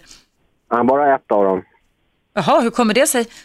Ja, det, det vet jag inte riktigt. Nej, han okej, okej. avsade sig riktigt där eller vad han nu gjorde för någonting. Men Oj då. Och du, hur gammal var du när du kom in i den här familjen, Benke? 39. Mm, och barnen var? De var fem och... Vad blir det? Sex, fem och fem, och sex. Någonting. Ja. Har ni fått egna barn också eller? Nej, det har vi inte. Nej. Tycker att eh, just nu räcker det räcker som det är. Tycker Ja. jag. Hur reagerar barnen på då att de har en pappa som beter sig lite som det passar honom? Ja, det är med frustration och ilska tror jag. Någonting som man inte... Det, säger de inte rakt om, men de känner sig väldigt besvikna. Mm. Hur märker ni Nej, de- beteenden på dem? Ja, när de, de blir nog lite arga och sådär Mm. när de ska dit. Och de vet inte riktigt vad de ska göra. Eh, Semester och sånt där. Första gången i år så var de där tre veckor Mm. på raken. Då ringde de eh, sista veckan och sa kan du hämta oss? Då ville de inte vara kvar. Hur länge hade de varit där då, sa du? Två veckor. Två veckor? Det var en vecka kvar. Ja. Och vad sa de sen då? Var anledningen till att de inte var av sin biologiska pappa? Deras eh, eh, bonusmamma där var väl dum. Mhm. Ja, det är väl, man får väl lyssna sig för och veta vad det var för någonting där. Men när man inte engagerar sig och gör någonting med sina barn då, då kanske man inte behöver ha dem. Hur var den här biologiska pappan innan du kom in i bilden, Benke? Hur, var han, eh, hur relaterade han till sina biologiska barn när de var små, nyfödda och så vidare? Ingenting egentligen. Han eh, kom upp, dök upp som gubben i lådan. Men han har... Eh, han har liksom inte Inte- anknutit till nej. dem kan man säga, för anknytningen är ju en process från vaggan till gravet och knyter man an svagt då får, som förälder när barnen är små, då får man också oftast en ganska svag relation resten av livet också. ja. Men har du knutit an till dina bonusbarn då på 9 och 11? Det tycker jag väl. Jag gör mitt yttersta för att de ska få det bra och jag betalar gärna eh, för att de ska kunna göra saker och ting och vi gör saker och ting på när man eh, åker iväg på semester eller helger eller något. Man, man gör saker och ting. och Man kan ja, vad som helst egentligen. Då. Kramar du dem också? Jajamensan. För det är också viktigt. Det är, Fisk, fiskar och drar upp första gäddan. och- vad härligt. Hela Så, så du, du, du har föräldrabeteenden kan man säga mot dina, bonus, dina två bonusbarn? Ja, det, jag lär mig hela tiden men jag gör mitt yttersta för att de ska ha det, det bästa. Mm. Och du, vad, vad säger mamman i det hela då? Ja, ja, vad ska man säga? Det blir en frustration när man liksom, eh, framförallt när man, de är, har ju astma också så de behöver medicin och det struntar han att köpa ut och då körde vi, då sa vi att då behöver ni inte åka dit. Vi tyckte att det är fara för liv och hälsa. Ja, det är det ju. Så att de behövde inte åka dit och då blev vi anmälda till familjerätten. Att vi inte lämnar ut barnen. Så det är den här otäcka saxen, Benke, du beskriver någonstans, att, att eh, det är en förälder som villkorar umgänge på något sätt. Va? Men så fort som ni vill appellera till hur viktigt det är att sköta omvårdnadssystemet för barnen så hugger han till direkt. Va? Så att det, det är liksom någon slags mischmasch av lag och ordning och villkorat. Och var finns då känslorna för barnen undrar man ju, eller hur? Ja, det är ju så. Den yngsta hon tyckte väl att nej, nu får det vara nog för att... Eh, jag Hon är nio då alltså, ja. Ja, jag ska göra det här och här så jag vill inte åka till pappa nu. Mm. Jag tycker det blir för stressigt och hon, då är hon osäker på om hon får, får komma till gymnastiken eller någonting då, för att det har jag ju sett till att hon inte kom tidigare. Mm. Och då åker han, eh, grabben själv. Mm. Men det är med visst vemod. Men han kommer nog dit han också, eh, hoppas jag. Fast det är klart, ja, ja, det, det finns ju bara en riktig pappa och det är ju han. Mm. Ja, fast det, det kan också faktiskt vara så att det finns en biologisk pappa och sen finns det en bra bonuspappa. Så man kan ju ha Absolut. starka Absolut. band, svagare till den biologiska pappan och starkare band till dig. Mm. Och det är väl fantastiskt viktigt att du inte försvinner från de här bonusbarnen då. Sen vet jag att man, man kan inte lova varandra, även fast vi gör det i olika ritualer, att, att stanna Mm. vid varandra livet ut. Men att du har en viktig relation som helst inte ska vara obruten oavsett hur det går för dig och deras mamma. Ja, visst. Och det, det som är lite kom- komiskt är måndagar, varannan måndag kanske, då ringer, ringer telefonen halv åtta. Mm. Då vet man vem det är som ringer. Jaha, vem är det då? Och, ja, det är den biologiska pappa. Ja. Och samtalet, du brukar titta på klockan, då pågår samtalet tre minuter per barn ungefär. Mm. Och sen är det bra. Vad är frågan då? Vad pratar med om? Det är, det är vad jag har gjort och lite si och så. Man kan inte få fram vad man har gjort på en hel vecka eller två veckor Nej. på tre minuter. Det är omöjligt. Fast det, det måste jag ändå säga, det är bättre att han gör det än ingenting alls. Ja, ja, absolut. Eller hur? Det får man väl ändå. Han relaterar ju Absolut. något på sitt sätt i alla fall, eller hur? Men Visst är det så, Mm. men eh, man, man undrar lite där. Man kanske kan ringa en, en tisdag. klockan- ja. Men vad händer om ni skulle säga det till honom då? Att det är tokig tid han ringer på? Nej, men det gör ingenting. Han får gärna ringa då eller ringa senare om de ligger i sängen. Och då får han ringa en annan dag. Gör han det då? Ja, det händer faktiskt. Okej, vad bra. Så det Ja, finns en liten- Ytterst sällan. Okej, men det finns en liten flexibilitet i alla fall. Ja, det är nog för att han måste, för de undrar nog runt omkring. Vi Ja. har en egen, egen tro, egen filosofi varför det är så. Men eh, just det där med att han, han är i familjerätten där, då börjar man spekulera till varför det inte blev den sista helgen varje månad. Mm.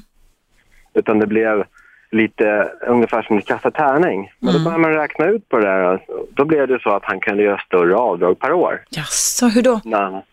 Ja, och han gör avdrag med penning, allting är pengar för honom. Mhm. Och då kan han, då kan han ha det mer sammanhängande. Då går det om lott. Då har han dem tre dagar, fyra dagar och sen är det liksom, alltså, månadsvis då så blir det ju en annan längd på, på umgänget. Okej. En, en fredag, lördag, söndag. Mm. Så att eh, man... eh, Ja, vad gör en fult. avdrag på två Ja, det är fult. Ja, det, det, det, personer, 319 Hallå? Oj, nu försvann du Benke, vad synd. Vi måste ändå avrunda samtalet ändå. Tack så jättemycket Benke. Jag, jag gjorde ingenting, det var någonting som bröts där. Tack så mycket Benke för att du ville vara kvar så pass länge. Du verkar vara en god bonuspappa. Fortsätt att vara det, är du snäll. Nu är det dock dags för en liten paus här och lyssna på Radio 1 och jag heter Eva Russ.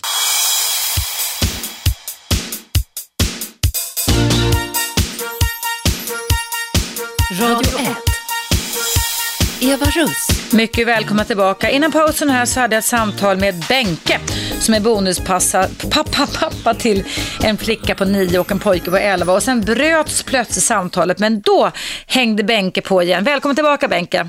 Tackar. Säg vad du sa så, i pausen här som man, bara du, du och jag hörde, inga andra. Ja, det var väl det här med att, att SOS och, och de som ska bestämma i ärendet, de tycker oftast att det är bästa för barnet, eller barnen. Och det, ibland kan jag tycka att det är rent skitsnack, för det är inte det bästa för barnen. De slängs hit och dit, hit och dit för att vi som är vuxna bestämmer det. Eller någon myndighet bestämmer det. Berätta det vad, vad lilla, lilla nio, eller elvaåringen har sagt, eller var det nioåringen som har sagt det? Flickan. Ja, hon sa att eh, mitt lyckonummer är 12. Ja, varför då? då? Ja, det är för att när man är 12 år så får man bestämma vart man vill bo. Och hon är nio nu eller? Ja, ja precis. Så hon längtar. Hon går och längtar efter att få bli 12 så att hon får bestämma Jajamän. själv. Det är enormt viktigt det du säger och enormt sorgligt det du beskriver också. Hur vi, jag värnar ju extremt mycket om barnens väl och ve. Det har du ju sett hur jag engagerar mig i olika debattartiklar och sånt. Ja, herregud. Jag lyssnar. Det är ett grymt program. När jag har möjlighet så lyssnar jag hela Vad tiden. roligt, Det vad roligt. Ja, men jag tror faktiskt att vi emellanåt gör lite skillnad också, i alla fall kan sätta fokus på olika typer av problem med, kring det här. Men som sagt, det här är ju alldeles för skräckligt. Och nu sa du att nu skulle de här bonusbarnen iväg på en resa under no- novemberlovet med Ja. Pappan och hans nya partner och då är det tjafs om, det har ju också varit med, de har hört jättemånga människor säga om det här med passen, eller hur? Ja, ja. Att det ska bli hu- huggsexa Jag brukar- och vill, villkorade beteenden. Jag brukar säga så här, det finns människor som gör allt i, sin, i hela världen. De kan sälja allt de har för att få ett barn som de inte kan få. Sen finns det de människorna som ynglar av sig eh, och sen skiter i allt. Ja, Tyvärr är det faktiskt så, jag håller verkligen med dig Benke. Och det ska vi fortsätta sätta fokus på i mitt relationsprogram. För man har bara en chans till en bra barndom. Sen kan man alltid försöka korrigera när man är vuxen med diverse olika typer av terapier och sånt. Men ja. vi måste skärpa till oss vi människor och sätta barnen i centrum mycket, mycket, ja. mycket mer än vad vi gör idag tycker jag. Det är som du sa också tidigare, det är så dags då det att dyka upp som gubben i lådan. Mm. När liksom blöjorna är bytta, ja, allt det där är klart. Inget, och sen fort, fortsättningsvis då, ingen skolavslutning, ingen Nej, allt det som är viktigt för barn. Ingen, ingen eh, Lucia, inte ett smack har man av överhuvudtaget när det verkligen gäller. Nej, det är för jäkla irriterande. Du, vi ska avsluta nu, men stanna kvar för jag ska, du kan stanna kvar och lyssna menar jag Benke. Jag ska läsa upp ett mejl som kom in precis nu som handlar precis ja. om det här som avslutning. Tack för att ja. du engagerade dig, tack för att du ringde in Benke igen. Tack själv. Ha det jättebra. Hej, hej. Detsamma, hej. Ja, jag har pratat både då med Benke sist här och med eh, Elinor om hur fasiken man ska göra för att kunna eh, både överleva, hantera och bevara relationen till föräldrar som gör så det passar dem, alltså frånvarande föräldrar till våra barn. Och då fick jag in ett mejl här ifrån en anonym kvinna som skriver så här. Fadern till mitt barn backade när jag var fyra månaders gravid. Han bröt upp förlovning, sålde vårt hus och backade allt han sagt och lovat. Han har barn sedan tidigare och är lite äldre. Han sa att jag måste ha barn då detta är det finaste som finns och han vill ha massa barn med mig. Han älskar barn, förtydligade han. Jag, 35, blev gravid och då ångrade han sig. Bråkade om abort i åtta månader. Graviditeten var inte rolig tack vare hans far. Men jag fick massor av hjälp av psykolog och barnmorskor, så tack vare dem fick jag in lite lycka under dessa nio månader. Min son är världens finaste åtta månaders pojke och den vackraste gåva som kommit till mitt liv. Har egen vårdnad om min son. Ingen familj runt runt oss, men jag har en kärlek i mitt liv som är så obeskrivlig som till min son. Jag gör allt för mitt barn och njuter av livet och min mammaledighet. För mig har hans far gett mig det bästa i livet och jag kommer kämpa för att min son ska veta hur viktig och unik han är för mig. Mina tankar om hans pappa är inte särskilt höga och framtiden får bli som den blir. Men jag kommer att vara min sons mamma till 110 procent. Fadern får göra som han vill. Pappan träffar honom och leker lite ibland, men inte mer än så för tillfället. Orkar inte kämpa för att få fadern att förstå. Jag lägger all energi på detta underbara barn jag har i mitt liv istället. Man tror man känner någon, så är det som att vända en hand och han beter sig som en stövel. Ja, jag håller verkligen med dig om det, du som mejlade in här. Det finns ett antal personer där ute, ganska många dessvärre, som beter sig som skitstövlar när man har lovat, höll på att säga, guld och gröna skogar kring det här och sen struntar fullkomligt i det. Eh, fick ett nytt mejl från Thomas, det står så här, vad ska man göra när man är åtta månader tjatar på sin ex om att hon ska ha umgänge med sina barn? Frågetecken, frågetecken, frågetecken. Hon lever sitt liv i en etta i andra hand med sina nya lovers och har bara telefonkontakt med barnen. Nu är barnen i alla fall två utav de vuxna, 19 och 22. Men jag har även en 14-årig dotter som verkligen är bitter och hatar sin mamma. Hon har inte någon kontakt med sin mamma för hon anser att mamman har svikit oss. Jag har försökt att få mitt ex att ta henne, alltså dottern, och göra saker med henne själv och försöka bygga upp en bra relation igen. Men hon verkar inte vara intresserad. Exet anser att jag styrt henne. Men jag försöker verkligen få henne att skapa åtminstone att dottern inte ska vara så bitter. Kanske förklara vad som hänt mellan oss, tacksam för lite hjälp.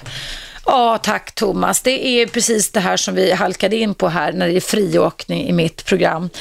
Eh, vad ska man göra med människor som struntar fullständigt i sin föräldraroll, i sin omvårdnad, som struntar anknytningen, som struntar i känslorna på sina barn. Det är bara de, de, de och deras känslor som är viktiga. Eh, I ert fall Thomas så är barnen 19, 22 och 14, men även 19 och 22-åringar även fast de är myndiga, kan behöva ha en förklaring till detta. Sen drar de oftast då egna slutsatser och lever då förmodligen då ett ganska självständigt liv. Eh, men 14-åringen är klart att hon är bitter. Det är klart att hon blir jättearg på sin mamma. Hon är inne i en jättekänslig ålder och känner sig sviken. Hon är ju sviken också när mamman inte vill ha någon kontakt med sina barn. Eh, ett sätt kan vara att du kopplar in BUP eh, och att din dotter får en, och ni får en samtalskontakt tycker jag. Det, är, kan, det kan alltså utvecklas för en tonåring inte minst till mycket självdestruktiva beteenden när man blir så grymt avvisad och när barnet då sätter på sig ett leende och känner att det är tvunget till att bita ihop. Eh, vi har alla dessa ångesttillstånd hos tonåringar, vi har självmordsförsök, vi har ångest, vi har anorexia, vi har eh, bulimia, vi har promiskuitet, vi har självdestruktioner, vi har självkänsloproblematik. Allt det här kan faktiskt härröra just ifrån sådana här situationer där ena föräldern inte vill ha en. Man känner sig helt enkelt inte vattenvärd. Eh, en boktitel på Ulrika Lidbo för övrigt som var här och besökte mig för några gånger sedan. Eh, sätt ner foten, skäll ut din ex-partner, jaga upp henne, gå till din före detta partner och säg vad i helvete håller du på med, ursäkta jag svär. Säg ifrån, det här är faktiskt åsiktsradio. Jag blir så enormt förbannad när människor är så empatilösa och struntar i sina barn. Det är det värsta, det är det fulaste, det är det dummaste svek vi kan göra gentemot våra barn, att strunta i dem och deras känslor och bara tänka på oss själva. Så att jag tycker att du ska försöka jobba Thomas på flera olika sätt. Prata med bar, dottern, prata med ditt ex och sätta ner foten och säga det här är inte okej. Okay verkligen eh, dra på där ordentligt. Sätt ner foten och kontakta BUP så att er dotter får någon slags omvårdnad och hjälp, för det behöver man när man är 14 år gammal. Jag ser att det är jättemånga som ringer här nu, men vet ni vad ni som ringer? Det är faktiskt slut på min programtid idag. Ni kan väl höra av er till mig imorgon eftersom jag är här tillbaka igen klockan 10 varje vardag. Men ni kan också mejla vad ni tycker om dagens ämne som, vi, som då blev. Hur ska man göra för att kunna få en frånvarande föräldrar att vilja ta sig pappa eller mamma-ansvar. Mailadressen till mig på Radio 1 är eva radio1 gmail.com. Så om ni mejlar mig så lovar jag att läsa upp det här imorgon. Det här är ett jättehett, ett jättehett ämne. Det är ax aktuellt och under tiden som mammor och pappor sitter och bara tänker på sig själva och sina egna känslor och villkor av umgänget så är det massor, massor med barn här ute i världen och inte minst i Sverige som far otroligt illa för att mamma och pappa eh, villkorar umgänget. Ja, det finns mer att säga om den här frågan.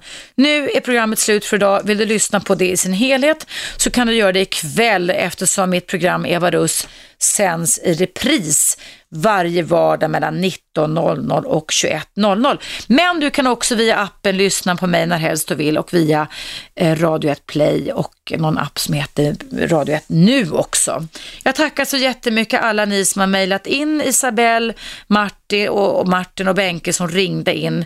Jag hoppas på återhörande. Ha en bra dag så länge. 101,9 Radio 1 Sveriges nya pratradio